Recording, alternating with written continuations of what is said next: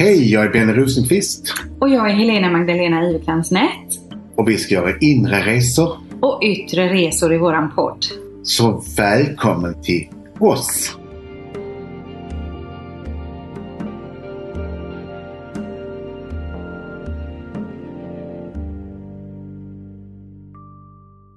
Hej! Jag heter Helena Magdalena. Och jag heter Benny Rosenqvist. Och vi har en gäst här. Vad heter du? Hej, jag heter Sara Vivi.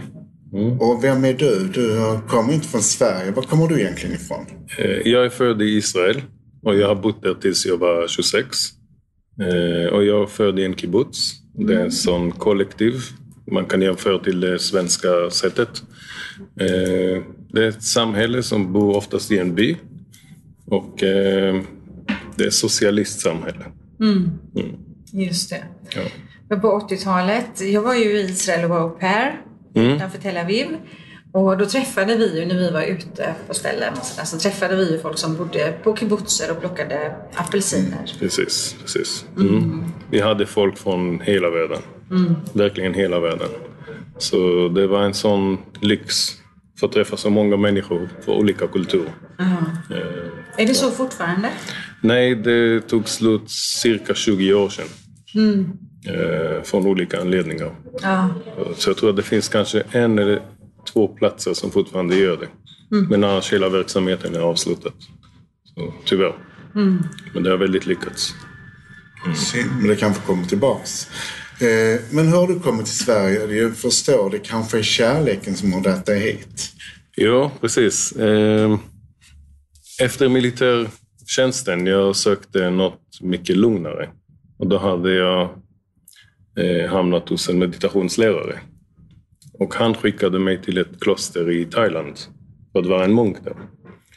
Och eh, när jag kom dit så fick jag veta om att jag behöver vänta några veckor. Och då tog jag ett beslut att åka till öarna. Och när jag kom till öarna träffade jag en svensk tjej. Och idag är vi gifta med tre barn. Så, Så du var på väg liksom till templet i Thailand och så hamnade du i Örebro? jag var i templet. Och eh, väldigt vacker plats. Wat Banana Chat. Eh, väldigt känd plats för eh, västerlänningar som vill faktiskt bli eh, buddhistiska munkar. Eh, men när jag kom dit så fick jag veta att jag behöver vänta. Ja. Så då tänkte jag, åker till öarna och väntar där några veckor. Och då träffade jag Camilla. Ja, Och så hamnade du... och nu är vi här i Örebro. Eh, För jag tänker på den här meditationsläraren, för du har ju pratat ibland, du har ju kurser på The Lighthouse, Ja. vilket jag och du Benny också har. Och nu har jag hört dig att du har pratat om Atlantisskolan i Israel. Vad var det? Jo, eh, när det gäller meditation så har jag haft två lärare. En var en från zen-tradition eh, och den andra var en buddhist, eh, vipassana-lärare. Eh, men Atlantisk skola, det är en skola som hade alternativ medicin och eh, andlig syn på livet. Eh, och där fick Camilla och jag plugga tillsammans. Eh, och där har jag gått väldigt många utbildningar. Eh, ska jag berätta vilka? För det? ja, jag har gått eh, tidigare elevutbildnings eh, under ett helt år. Eh, och sen var också fortsättning eh, kurs senare och sen bioergonomi healing som var också eh, över ett års kurs. Och sen batchdroppar och kristallhealing och holistisk massage och eh, ett helt system som min lärare och båda lärare utvecklat. Och det handlar om egentligen det attraktionslagen. Med mera. Det är en lång lista. Så du är en finna också. Du har, du har sökt och du har funnit och du vill... Och du fortsätter du fortfarande att leta efter kunskap. Jag älskar kunskap. Jag älskar att lära mig saker. Jag känner mig hela tiden som... eh, Jag är så nyfiken och läsa mer och läsa mer. Eh, Så även om jag har fått vissa svar som jag sökte, fortfarande tycker jag det är spännande att lära sig mer. Eh, Så jag fortsätter att lära mig och gå olika utbildningar och forska väldigt mycket själv. Eh, Så jag är väldigt nyfiken. Jag vet också att du har hållit på med kampsport. Ja, precis. Eh, jag började träna när jag var åtta år. Då var det 1983. Och då har jag börjat med den israeliska kampsport, krav maga, som är självförsvar. Och där har jag tränat upp till militärtjänsten. Eh, och jag var militärtjänst i tre år. Och efter det jag behövde något lite lugnare. Och då började jag med tai chi. Mm. Och det håller jag på fortfarande idag. Eh, ja. Vad är tai chi för dig då? Är, det handlar om energier och hur påverkar de energin dig? Eh, tai chi som, som vi håller, som jag håller på med, den här stilen är mer kampinriktad. Mm. Eh, och där kan vara, det är inte det vanliga tai chi som man ofta ser. Så vi har det här långsamma delar med mjuka rörelser och harmoniska rörelser. Och det finns en hel del teori och filosofi bakom den. Eh, det är bara att vi tillämpar det i kamp, eh, självförsvar, brottning, eh, hela den praktiska delen. Och det kallas för practical tai chi chuan. Mm. Men det finns det här andliga aspekt i den. En del är hemlig, så man får inte prata om det. Och en del är öppen för alla. Men vi lovar inte att berätta någonting. Som du bara berättar lite för oss så, så, så, så är vi, nu blir vi nyfikna. Ja. För vi vill ju inte bli uteslutna från detta. så vi och våra tusentals lyssnare då. Ja, oj, oj, oj, oj, oj, oj. Vågar man berätta? Eh, det finns olika nivåer kan man säga. Mm. mm. Det enkla som alla ser och man kan mm. berätta det här rörelse betyder det här och det här betyder det här. Eh, sen har vi inom träningen, man börjar förstå en hel del om sin kropp, om sin andning. Och det finns vissa delar inom den här kung fu-världen, den här kampsportsvärlden i Kina, eh, som har att göra med andar, eh, det som vi kallar för to be possessed. Mm. Och då, väldigt avancerad nivå, sällan pratar vi om det.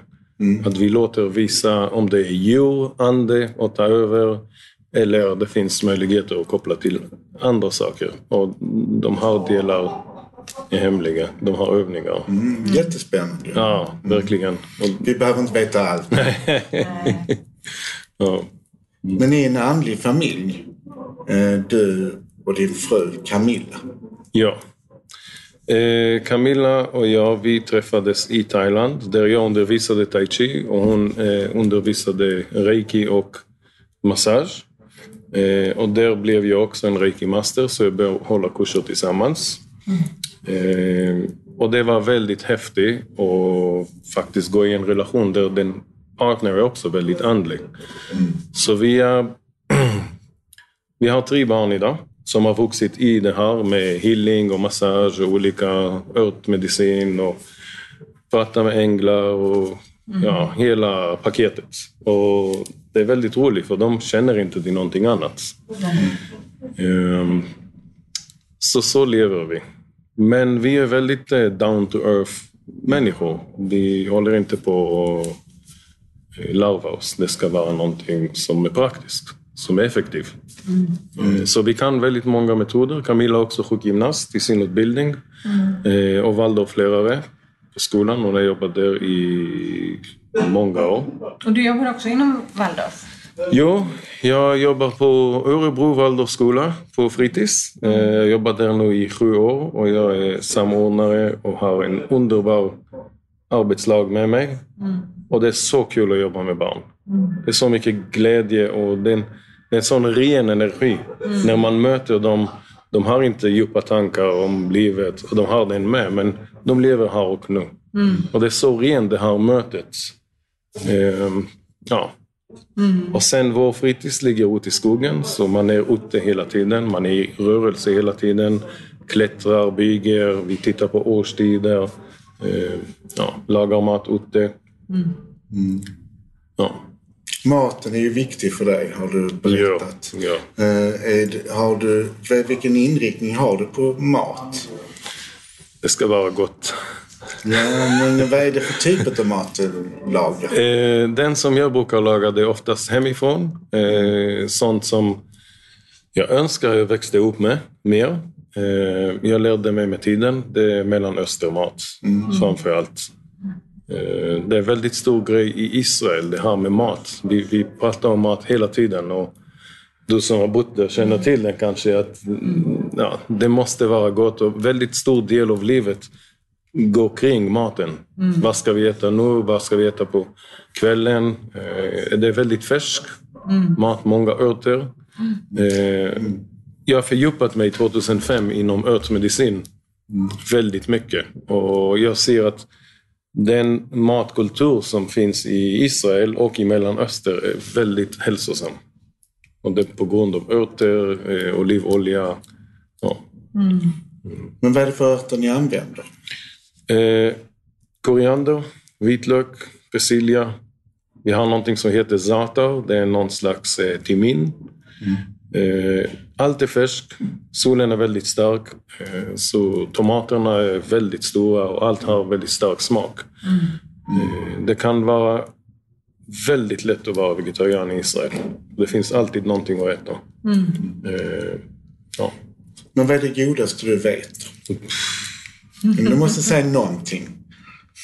Om jag måste säga, det är pita och hummus. Pita, bröd och hummus. Mm. I Israel. Mm. I Jerusalem. Det finns en plats när vi åker till Israel, vi ska gå dit. Man tror att man är i himlen. Ja. Det är så jag... himla ren och, och fresh. Jag tänker på det.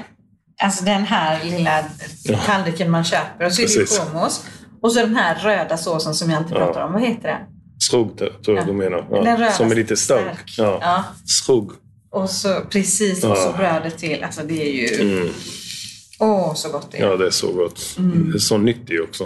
Mm. mm. Någonting som jag tänkte på när jag bodde i Israel, eh, det var att om, om jag gick till någon av mina vänner och ringde på dörren så här utan att man bokade tid innan. Jag kom inte dit klockan två på tisdag. Utan där gick man och så ringde man på dörren. Ja. Och när föräldrarna öppnade, de sa alltid hej, välkommen, vill du ha någonting att äta, ja. vill du ha någonting att dricka? Ja. Alltid i ja. alla hem, always. Det är så viktigt för oss med att öppna dörren och kom, du ska äta någonting. Ja. Ja. Det är en väldigt stor grej i kulturen och det är för att folk ska känna sig välkomna och sen ett sätt också visa kärlek och mm. Eh, ta hand om människor. Ja, mm. jag var jätteförvånad över det. För jag var ju 18 år då och svenska om man säger mm. och kände ju inte de här föräldrarna till mina vänner. Ja. Men det var liksom, ingen av gick man dit och ringde på dörren. Välkommen, vill du ha ja. någonting att äta och dricka? Mm. Och de ville verkligen också att man kom till bords och ja, var med ja, ja. och åt och sådär. Och sen om du inte säger stopp så lägger man mer mat på tallriken. Tills du säger nej, det räcker, det räcker. Ja, precis. Mm. För så var det inte i Sverige. Inte det jag bodde i alla fall på den. Men jag tror att temperament är väldigt annorlunda. För man, i Israel man är väldigt varm. Mm. Man pratar med händerna, man eh, bjuder in, man tar på varandra. Man, det är mycket det har fysisk mm. eh, kontakt. Eh, ja. Ibland blir det för mycket. Mm. Ja. Men jag tänker på det då, för då var ju du liksom ung och sökande och gjorde militärtjänstgöringen och sådär. Hade du andra likasinnade omkring dig eller kände du att du var lite själv i ditt sökande i Israel då, tänker jag? Eh, min syster var alltid väldigt andlig. Mm. Eh, och det var ovanligt då. Mm. Eh, och hon är fortfarande väldigt andlig. Men vi kunde inte prata om just det. Nej det var någon gång runt 95, mitt i militärtjänsten. Det hände vissa saker och då började jag plötsligt vakna till någonting. Senare förstod jag att det var alltid med mig. Mm. Men då började jag vakna till och se att det är någonting annat som händer här. Började se vissa synkronicitet. Mm. Eh, insåg en hel del saker i mig. Eh, och sen det här stressen i militären, det här press hela tiden det gör, det gör någonting med människan. Mm. Efter militären, jag var ganska sönder. Mm. Jag behövde återhämta mig väldigt mycket och då bland annat eh, var jag rekommenderad att gå och lära mig tai chi. Mm. Och det där började den resan. Just det, som en motkraft liksom ja. mot det här militäriska. Ja. Mm. Och sen också kampsport så jag var väldigt aggressiv, väldigt framåt och tai chi var Speciellt den, för jag kommer från en annan stil från början. Och det var mjukare, eh, väldigt harmonisk, väldigt vacker. Eh, jag hade en kinesisk eh, lärare som dog tyvärr 2003 av leukemia. Men han var såg ut som en ängel som rör sig. Han var, det var så harmoniskt att titta på honom. Mm. och vi blev väldigt goda vänner och undervisade tillsammans. Mm. reste tillsammans och väldigt fin tid. Vi hade med varandra.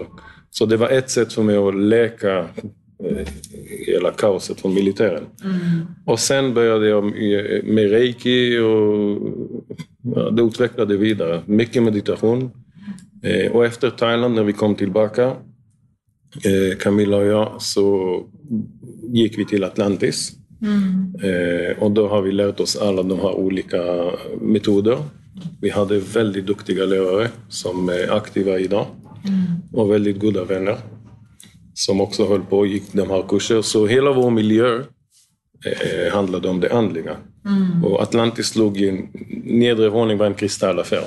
Mm. Så det var så magiskt att gå in dit. Mm. Eh, sen andra våningen ett litet rum och alla satt på soffan eller på golvet och vår lärare stod där och meditationer. Och mm. Det var en helt magisk period.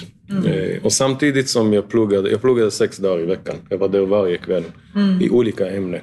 Mm. Eh, på onsdagar på morgonen, jag brukar åka till Jerusalem och plugga i NLP-institut. Mm. Och det var fyra timmar på morgonen, sen komma hem, vila två minuter och sen åka till Atlantis och plugga. Så det är väldigt intensivt eh, de här två åren. Mm.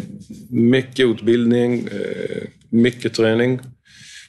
och då träffade jag också min buddhistlärare, eh, regelbunden och det var många timmar meditation varje dag. Mm. Och jobba ut på fälten. Mm.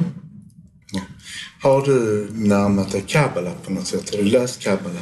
Min, ja, i Atlantis, vår lärare, eh, de vävde in en hel del från kabbala, numerologi, astrologi. Eh, mm. Hon är också astrolog. Mm. Det påminner väldigt mycket av eh, Nira. Hon var ja, helt otrolig. Så duktig.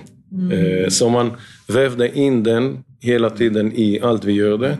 Ehm, det här metod som de eh, byggde mm. Ehm, har en hel del med numerologi och med olika sådana mm. Eh, effekt mm. från judendomen. Mm. Ja. För det är en spännande mysticism om kabbala. Ja, verkligen. Mm. Verkligen. Mm. Ja, det är så många med bokstäver och numerologi. Mm. När man börjar titta i numerologi och man tittar på olika på Bibeln på olika platser. Mm. It just makes sense. Mm. Så, och sen siffror, det är magiskt. Mm. Så, Verkligen. Ja. Så det var invävt i utbildningen. Eh, vi levde i en annan sfär de här eh, åren eh, när vi gick på, på Atlantis. Mm. Och vi förstod inte det då. Men nu när man tittar tillbaka, aha, vi var någon annanstans. Förstår det siffror, hur påverkar de det? Vilka siffror påverkar det mest? Har de, får du tecken i siffror? Massor. Mm. Min siffra är fem. Mm. Eh, och du vet också, jag är född 5575. Mm. Eh, och det är verkligen, jag känner mig hemma med den. Det var alltid min favoritsiffra. Mm. Men speciellt de senaste åren, det är 111, 222, hela tiden överallt. Mm. Eh, Lotus, min dotter, hela tiden. Två, två, två. Mm. så vi har en sån här mm. skämt hemma. Och mm. Vi tittar väldigt mycket i den och när det kommer och man tänker, mm, vad är det de vill säga nu? Mm. Eh, det har synkronicitet med siffror och mm. det är någonting att forska. Mm. Eh, speciellt för folk som har intellekt som är aktiv.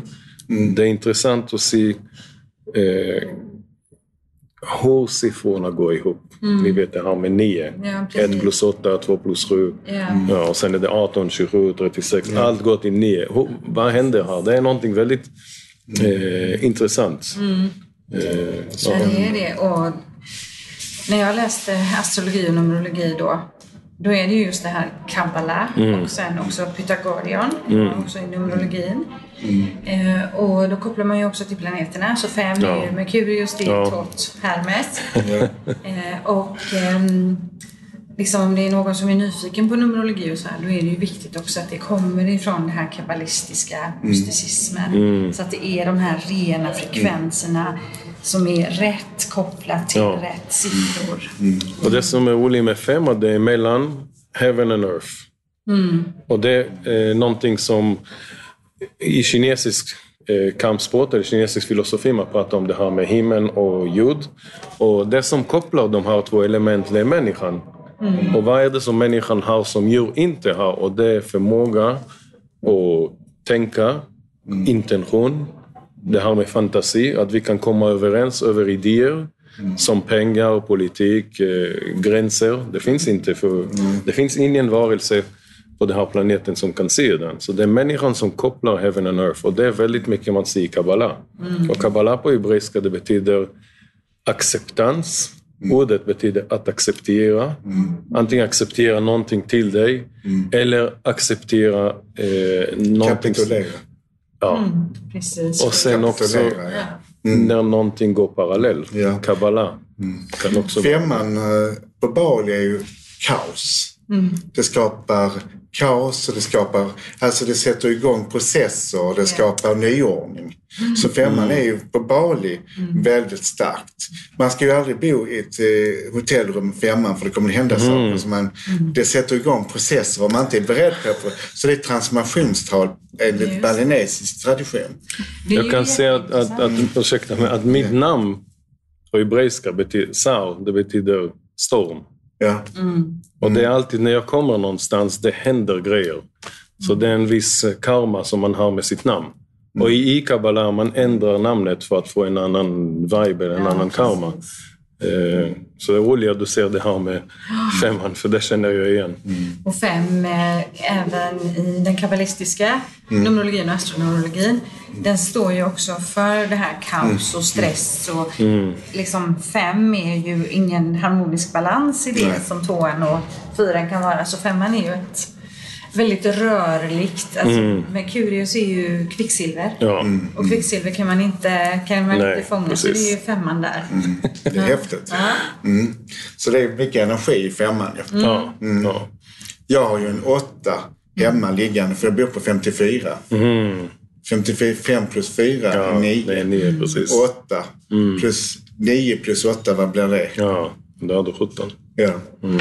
1 plus 7 blir 8. 8. Ja. Och det skapar ju oändlighet och det ja. skapar nya... Så jag har lagt en 8 hemma för att mm. få balansen hemma. Mm. Så det har jag i mitt fönster. Mm. En metod jag brukar jobba när jag jobbar med barn som mm. behöver lite mer stöd att faktiskt ta en liggande åtta. Ja, det har jag. Och sen börja, bara, ta en penna och bara rita fram och tillbaka. Mm.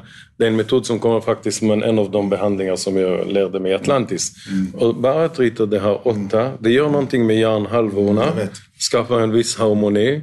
Mm. Och barn bara sitter och ritar fram och tillbaka och vilar. Mm. Och min mormor lärde mig, om du gör åttan i gröten så bränner den inte vid. Mm, det är jättebra, för det, det är jätte, den är liksom magisk åttan också, för den är en form som är bra. Mm. Och sen är det konst, ja. det är kooperationen. Ja. Men det är ju evighet, och oändlighet och det, det mm. tar ju inte slut. Nej. Och det är en energi som är sluten men ändå mm. kringgående. Yeah. Om man tittar på yin och yang symbol, ja. det är en åtta. Ja, det är det. Och en av de metoder som vi jobbar med fram och tillbaka, det ser ut som en åtta. Mm. Så det är så mycket i den. Ja, precis. Så. Jag tänker på siffran åtta, är ju Saturnus mm. karma. Mm. När den är upprätt så här. Mm. Eh, för Saturnus är ju den stränga fadern mm. som styr åttan. Och när man lägger, när man har löst sin karma och släpper taget, då blir det mm. infinity. Precis. Så skapar man Precis. den här ja. harmonin och enheten. Mm. Mm. En karmaknut är ofta en knut med en åtta ju. Mm. För den gäller att lösa, ja, men den ska man lösa från två håll. Mm. Bra. Ja. Bra koppling där ja. till talet åtta. Ja. Ja. Jag pratar om synkronicitet. Ja, men precis. Allt hamnar på samma plats. Mm. Men det gudomliga talet är ju sju. Ja. ja. Mm. Plockar man ner himmelriket. Mm. Precis. Mm. Och nu tog de bort faktiskt i matte att man får inte rita sju med det här lilla strecket i mitten. Nähä. Det är bara den. Man får ta bort strecket nu alltså? Ja. Vad bra, då behöver man ju inte kapa det. Nej, då blir det... Det är bra. Så är det bara. Så. Mm. Mm. Ja, för jag vet ibland när vi har pratat också om själva judendomen, att judendomen också har en hel del mystik mm. i... Väldigt mycket. Mm. Väldigt mycket. Och man ser i judendomen, man har fyra olika nivåer och det kommer från den enklast och det är det man säger eh, ja, man ska göra alla de här olika regler som man har. Mm. Och sen det är fyra olika nivåer upp till det högsta som kallas för hemligheten. Och då gör man vissa saker som man senare i Kabbala, när man utvecklar vidare, lär man sig varför gör man de här sakerna. Mm. Eh, på en mycket andlig plan. Mm. Eh, varför gör man det? Ja. Ja, precis. Det finns 613 eh, regler för en ja. religiös person. Mm. Och varje sån eh, regel handlar... Det, det är som att ställa människan till noll igen. Mm. Så att trycka på refresh, refresh. När man mm. går igenom dörren ska man pussa på den här eh, grejen som hänger på sidan. Eller hur man knyter eh, skorna. Mm. Man ska inte bara knyta skor, det finns en ordning man ska göra det. Mm. Eh, väldigt mycket att komma tillbaka till här och nu, att vara närvarande, att eh, ja, vara tacksam, vara i kontakt med det gudomliga. Mm. Ja. Jag kan bara säga, jag är inte eh, bunden till någon religion. Mm. Eh, jag tycker många religioner har väldigt många fina sidor. Och jag önskar att människan ska få det här intuitiv känsla och guidning. Vad är rätt för mig? Eh, ja. Det söker jag. Mm. Att man är fri liksom i att Man är fri. Men eh, vad tror du på? Wow. Det var en stor fråga. mm. Mm, vad tror jag på? Jag tror inte på någon religion eller någon form. Jag tror på en andlig värld som vi lever i. Mm. Eh, jag tror inte på karma så mycket. Jag tror att vi har en friheten att göra vad vi vill samtidigt som allt är bestämt eh, innan vi föds. Jag tror att innan vi föds, vi väljer våra föräldrar, förutsättningar, eh, vissa människor som skulle, vi skulle träffa i vissa perioder i livet. Ja, så jag tror på ett väldigt andligt liv. Man ska hitta det här flödet. För jag tror att också någonstans vi bestämde en viss flow. Och när jag är i det här flow, då kommer livet att gå som jag planerade. När jag inte lyssnar på den här vägledning som jag får från, eh, vad ska man säga, min högre plan. Då gör det lite ont. Ja, högre jag, min guide hjälper mig att hitta min väg. Mm. Och det är inte att man går runt och är förvirrad och vilse. Eh, tvärtom, man är väldigt down to earth, skapar projekt, hjälper andra människor. Eh, det tänker jag är en väldigt viktig sak. Hjälpa andra människor. Har du själv lagt märke till när du inte har lyssnat på din guide vad som har hänt? Ja, nu skulle de se ditt leende Det har hänt. Ja. Jag har hamnat på akuten några gånger. De som känner till mig vet att jag var lite eh, ovanliga. Jag har tendens, när jag inte lyssnar, och hamnar på sådana märkliga situationer och träffar jättekonstiga både händelser och situationer. Men eh, då får jag en tillrättning. Och ju äldre jag blev, ju snabbare jag plockar upp det här. Mm. Att okej, okay, det här känns inte rätt, då gör jag inte det. En regel som jag har med mig själv, när jag känner att jag är stressad, då stannar jag upp allt. Mm. Jag går inte ett steg fram, jag bara sitter. Stopp, stopp, mm. stopp. Ta ett djupt andetag. Så stress för mig, det är en sån tecken, ett intuitivt svar för mig. Stanna upp. Mm. Någonting är inte i harmoni. Mm. Eh, och det kan jag säga från tai chi-träning. Mm. Väldigt mycket att hitta harmoni. Hur hittar jag harmoni? Och det är inte att jag behöver sitta och tänka, jag gör det genom rörelse. Jag är en väldigt fysisk person, jag gillar att röra mig, lyfta saker, jobba. Mm. Jag behöver röra mig för att förstå saker. Yeah. Eh, och det här att hitta harmoni, hitta rätt flöde. Ja. Mm. Det är så jag, jag försöker att leva efter. Mm. Ja. ja, vi pratade ju lite om det innan idag. Mm. Just med rörelsen Ja, precis. Ki, precis. livskraften. Mm. Och det har ju alltid varit väldigt viktigt för dig. Ja. Och du är väldigt... Och mycket med andning. Det faktiskt kom, eh, kontakt med andning kom från min eh, meditationslärare. Mm. Det var stor fokus i vipassana och i zen meditation. Stor fokus på andning. Mm. Och sen tai chi självklart. Det är väldigt mycket med andning. Och andningen hjälper oss att komma till här och nu. Mm. Till min kropp. Eh, och sen, det händer mycket i musklerna när vi andas på olika sätt. Vissa muskler spänner eh, av eller eh, hitta olika kopplingar i kroppen. Mm. Eh, ja. Och det går på kurserna, kommer vi att lära oss. Mm. Mm. De olika metoder. Precis hur man ska röra sig, hur man ska andas, hur man organiserar sin kropp. Det blir lite som en... Eh, att bygga ett litet torn. Mm. Ja. Mm, så viktigt det är, ja. andningen. Andning, meditationen, mm. hämta hem sig själv, liksom komma in i kroppen ja. och, och vara där. Och komma till sin källa. Ja, precis. Alltså ursprunget till själen. Mm. Och sen är det det också, det är ju den bästa ansiktskrämen. För mm. att när vi andas rätt så föryngras vi fortare. Mm. För vi mm. syresätter. Mm. Och vi lugnar ju ner oss när vi andas rätt. Vi mm. kommer ju nära vår själ. Och där har vi svaren av hur viktigt är med att andas rätt. Mm. Jag kan säga att i judendomen, Gud har 23 namn. Mm. Och en av de här namn, det är en bokstav. Mm. Och ordet andning och ordet själ, mm. skillnaden från själen och andningen, att man lade till det här lilla bokstav som är Gud. Mm. Så andning säger man neshima och själen säger man neshama. Mm. Och det var en liten skillnad, att när man lägger en, den här pricken som betyder Gud, Mm. Det går från själen till andning. Mm. Och vi är ju en gudomlig varelse. Ja, ja. Vi är en del av en högre gudomlig ja, varelse. Ja. Så inom oss, vi är en del av universum alla. Ja. Vi är ett litet sandkorn men vi är jätteviktiga alla. För alla sandkornen är lika mm. viktiga. Mm. Men alla är bara ett litet sandkorn. Det är en gnista, den gudomliga gnista som finns i varje sån sandkorn. Mm. Och det är inte så svårt att koppla dit egentligen. Mm. Det är bara sakta ner, andas lite. Ja, då är man på plats. Precis.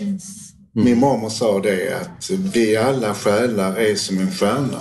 Mm. Vi gnistrar och vi lyser klart mm. i universum. Mm. Och tillsammans gör vi det stora vackra ljuset. Ja. Åh, oh, vad fint mm. Det här med tillsammans tänker jag är väldigt viktigt. Vi är tillsammans här. Ja. Det är inte var och en.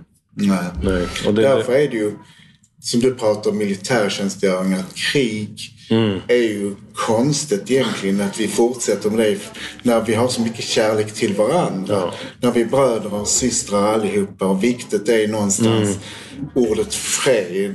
Ja. Att vara fred med sig själv, då startar man inga krig. Mm. Att det är människor som faktiskt krigar med sig själv som krigar med andra. Ja. Så om vi någonstans börjar med den inre resan och sluter fred med oss själva så börjar vi den stora fredsvandringen i världen också. Mm. Det finns en väldigt vacker bok eh, som Thich Nhat Hanh hade skrivit. Och det mm. kallas för Peace in every step.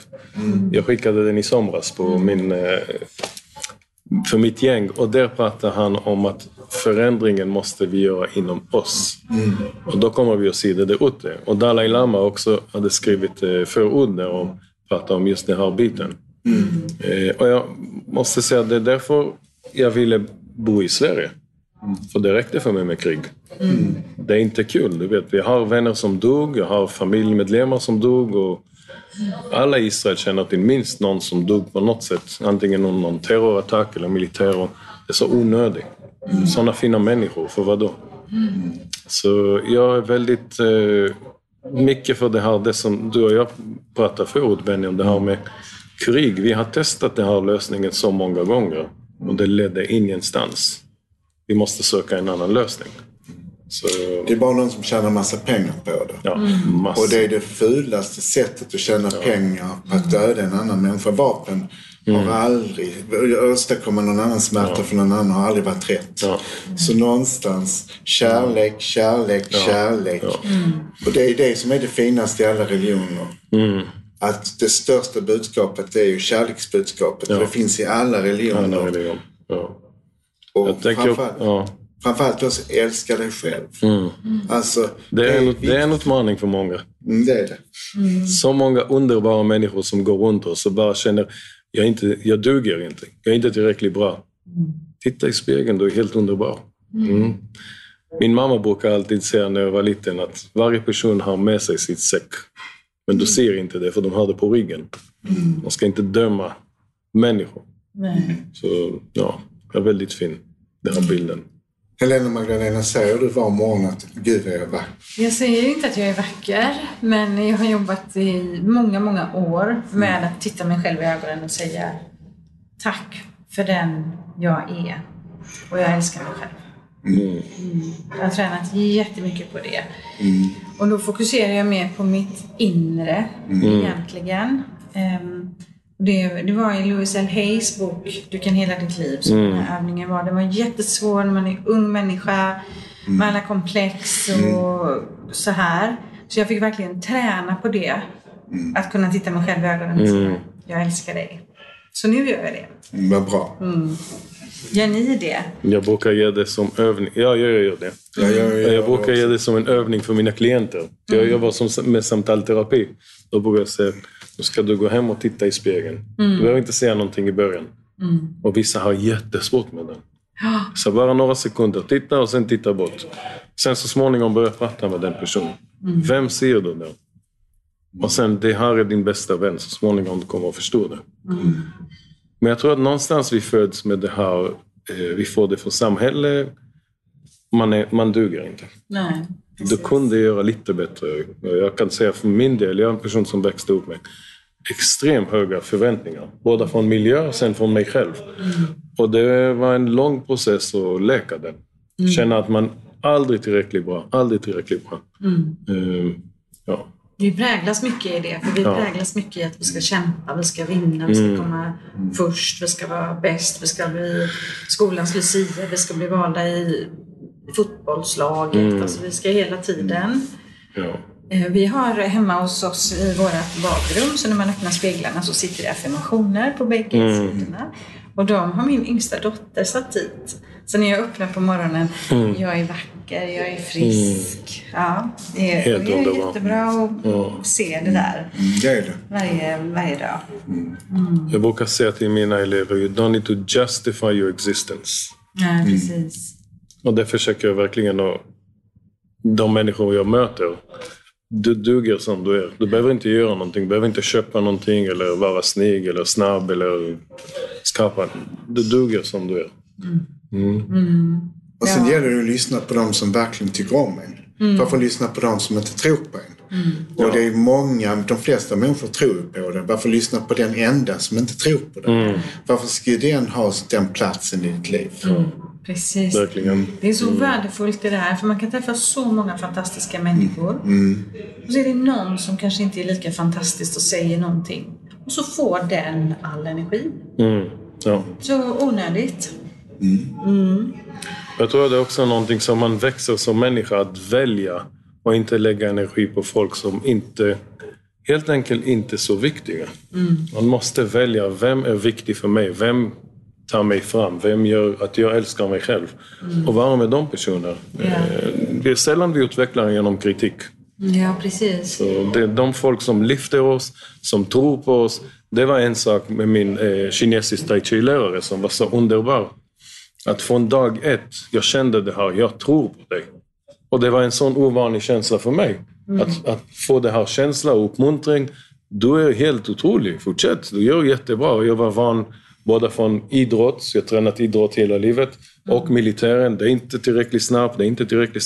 Hela tiden det här mm. att man piskar mm. sig själv. Inte tillräckligt, inte tillräckligt. Plötsligt träffade jag honom och han var, du gör jättebra. Och det var, oj! Mm. Helt underbar känsla. Det var. Ja, precis. ja. Och det ger ju motivation. Ja. Man blir ju motiverad mm. av en god känsla. Ja. Inte mm. av att någon liksom klagar eller inte mm. tycker det är bra nog. Nu har de mer och mer det på idrott i Sverige. För min, min, båda mina söner är idrottare. Man uppmuntrar, uppmuntrar och det är så vackert. Mm, det det. De tappar bollen. Ah, men nästa gång, nästa gång. Det går jättebra, fortsätt. Mm. Ja. Helt underbar. Mm. Jag tror mycket på den, ja. den positiva uppmuntran istället. Mm. Jag tror inte på kritik. Mm. Kritik kan man säga, men den ska vara konstruktiv. Den ska vara mm. positiv. Ja. Den ska föra framåt. Man säger i NLP, när du vill ge kritik, börja alltid med något positivt. En komplimang som upplyfter och sen när du ger kritik, det ska inte vara inriktad mot personen. Nej. Det ska vara konstruktiv, vad man kan göra bättre. Inte just den personen. Nej, så viktigt. Att man känner, aha, nu har jag verktyg och bli bättre eller lära mig vidare och eh, ta mig själv fram i min utveckling. Mm. Ja, så viktigt. Ja, oerhört viktigt. Mm. Ja, och det var ju ett väldigt spännande samtal vi har haft idag ja. tillsammans. Och vi är så tacksamma så här att, att du ville gästa våran podd. Självklart. Tack så mycket för att du kom. Och tack så mycket Helena Magdalena för eh, trevlig pratstund. Och vi fortsätter med våra resor om en vecka. Det gör vi och tack till dig också. Och så hörs vi igen. Ja. Och vi får inte glömma tacka våra lyssnare. För ni är ju viktigast. Utan er är vi ju ingenting. Så fortsätt lyssna på oss. Vi älskar er. Mm. Glöm inte det. Vi älskar er. Vi älskar er. Tack för idag.